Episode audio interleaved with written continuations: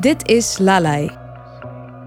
De podcast waarin wij, Leonore Spee, Anke Verschuren en Sascha Bornkamp op zoek gaan naar het geheim van slaapliederen. Slaapliedjes zijn van overal en van alle tijden. Zolang er mensen waren, hebben zij hun kinderen gesust en in slaap gewiegd. Wat betekenen slaapliederen voor ons? En wat vertellen ze over ons? Over onze menselijkheid? Over ons ouderschap? Dit is aflevering 4.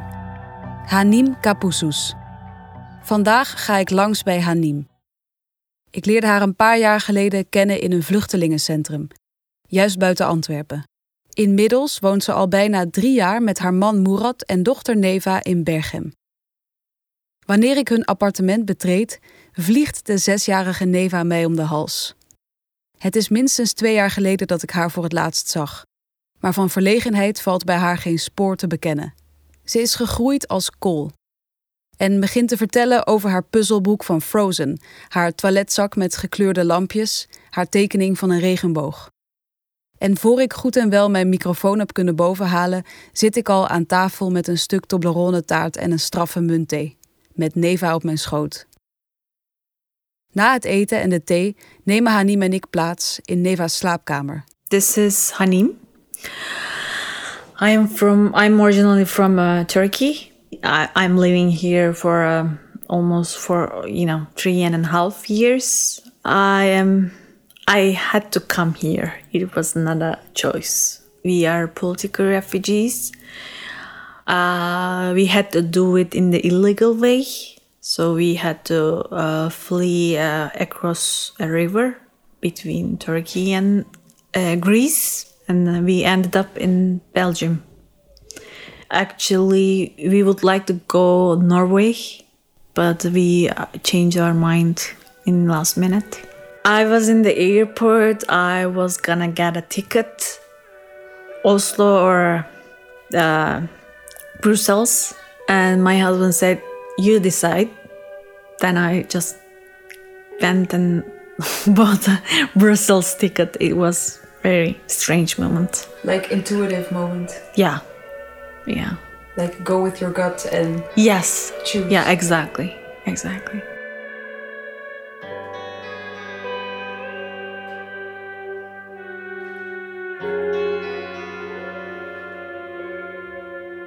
I have one daughter named Neva. Um, I was pregnant, eight months pregnant when the coup attempt, you know, occurred. And then it's um, after one and a half months later, I got, you know, I gave a birth to her uh, because of the things ha- happening around me, the family issues, all the political issues, people are getting arrested, and uh, some, you know, things happening. I, uh, I feel like I couldn't, I, I shouldn't be happy because of my family situation. My, uh, my brother-in-law in got arrested and got life sentence. When I look at my sister, I feel like I can't be happy right now. It's like it's not okay to my sister. It's not fair. While she's grieving, uh, you know, mourning, I am like, I know that right now. I know that it's not okay. It's a totally separate thing. You know, having a baby for the first time and then having family issues. You, it's a separate thing. Neva deserved it better, in my opinion. But at that time, it felt like, you know.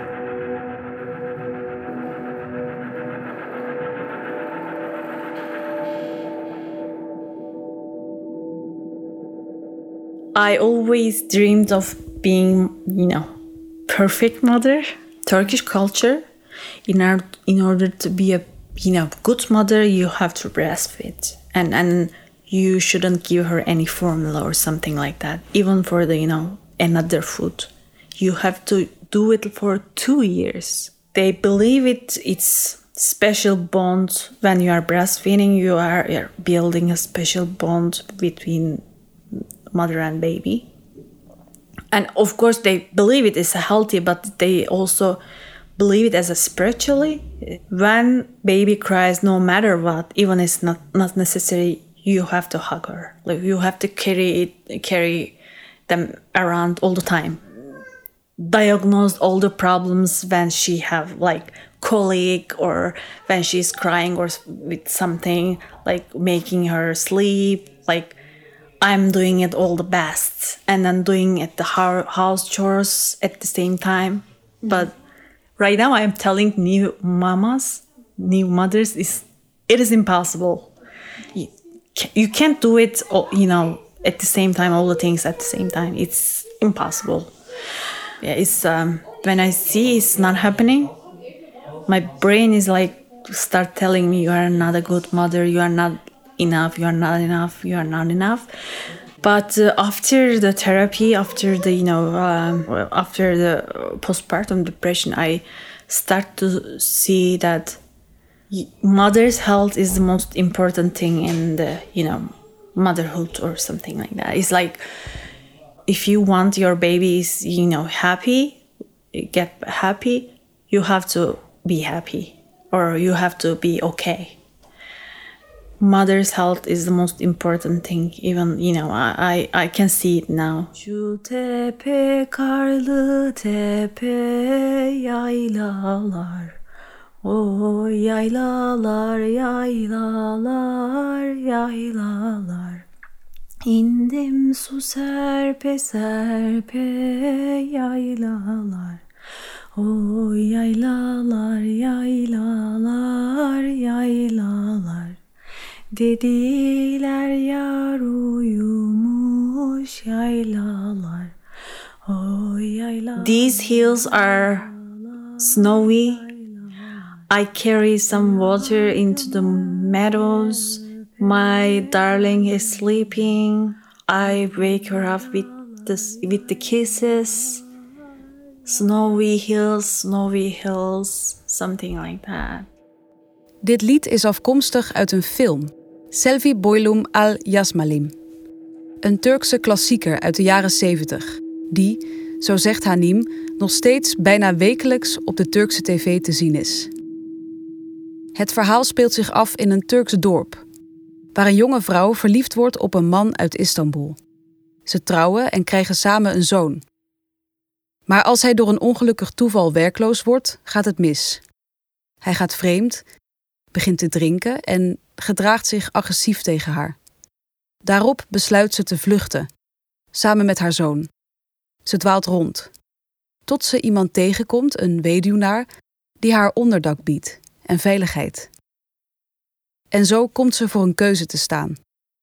Tussen de passionele liefde die ze voelde voor haar eerste echtgenoot en liefde in de vorm van veiligheid, die ze vindt bij deze nieuwe man in haar leven. We zien haar met hem aan tafel zitten, haar zoon op haar schoot, lachend. En samen zingen ze dit lied. Het is een vredig beeld, simpel en vol van genegenheid. Ik vraag me af waarom juist deze scène Hanim zo raakt. I found it, you know, magical. that's maybe that's why I choose that song. The mother and then their new husband singing to their child is not exactly the, they are putting in putting her you know sleep. They are just enjoying the moment or some they are doing some entertainment together and then I feel like no I will sing it to my you know baby when I will be mother. I don't know why. I it it was like I'm gonna sing it to my baby. Especially when she was a baby, I felt, I feel like, like I feel deep and then I feel like a good mother. It's like I am doing something like just for her. It's, it feels precious. It felt intimate.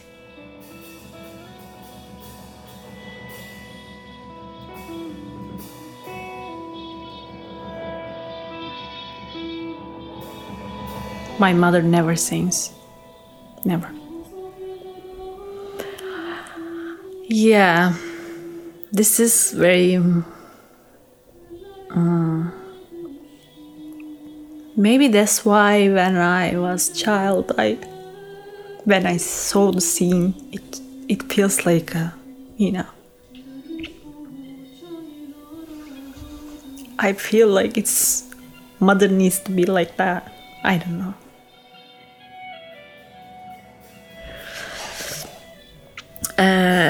I kind of guess that uh, she didn't see from her parents too.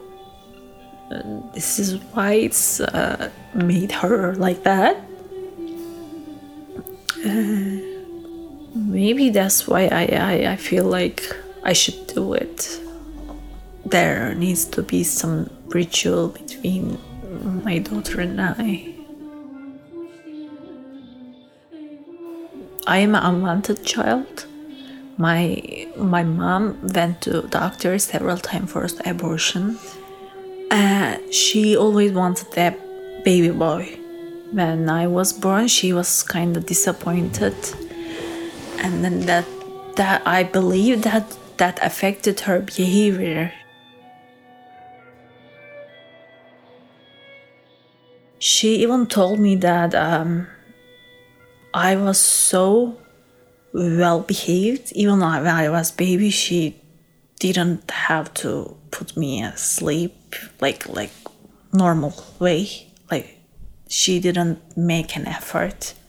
I kind of maybe as a baby, I kind of felt that it's not coming. That's why I uh, I did my own ritual. Like yeah, I felt it. I am aware of our distance from very early childhood.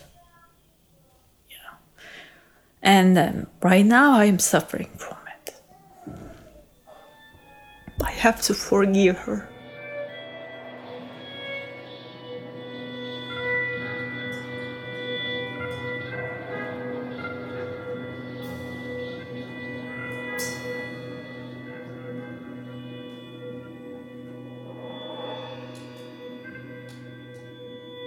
I am having fear of being a mom, my mom. This is affecting my motherhood. I know that. As soon as you are a parent, it's all the things like getting into surface, and then you know sometimes I find it. Uh, I found myself. I find myself just behaving just like my mom, and it terrifies me.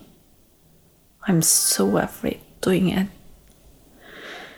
maybe that's why I am doing other things that my mother don't do with me. I don't know.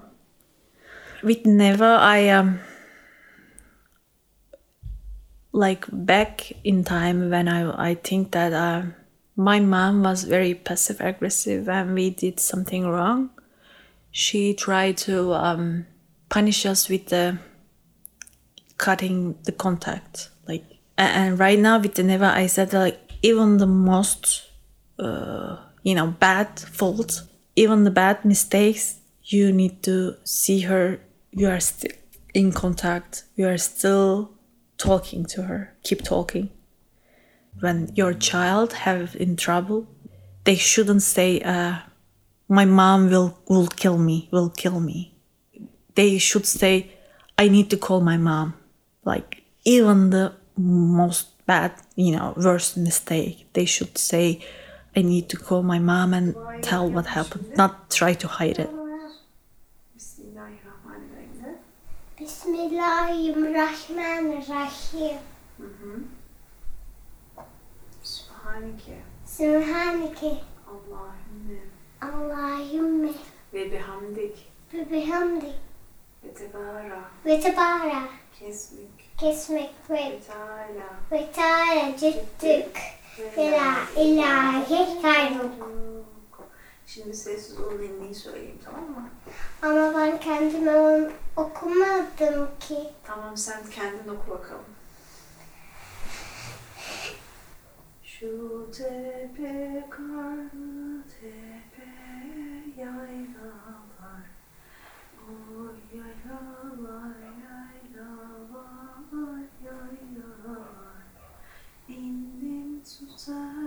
serpe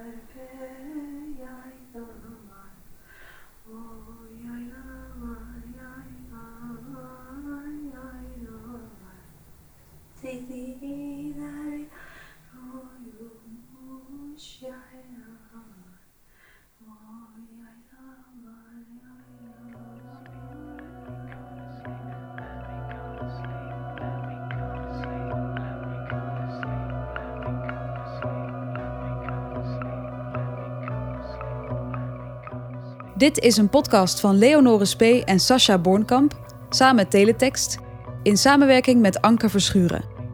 Lalai is een project van gitaarkwartet Zwerm en muziektheaterhuis Walpurgis. In co-productie met de Singel en Clara Festival. Ondersteund door de Vlaamse overheid en stad Antwerpen. Ben je geprikkeld om naar de voorstelling te komen?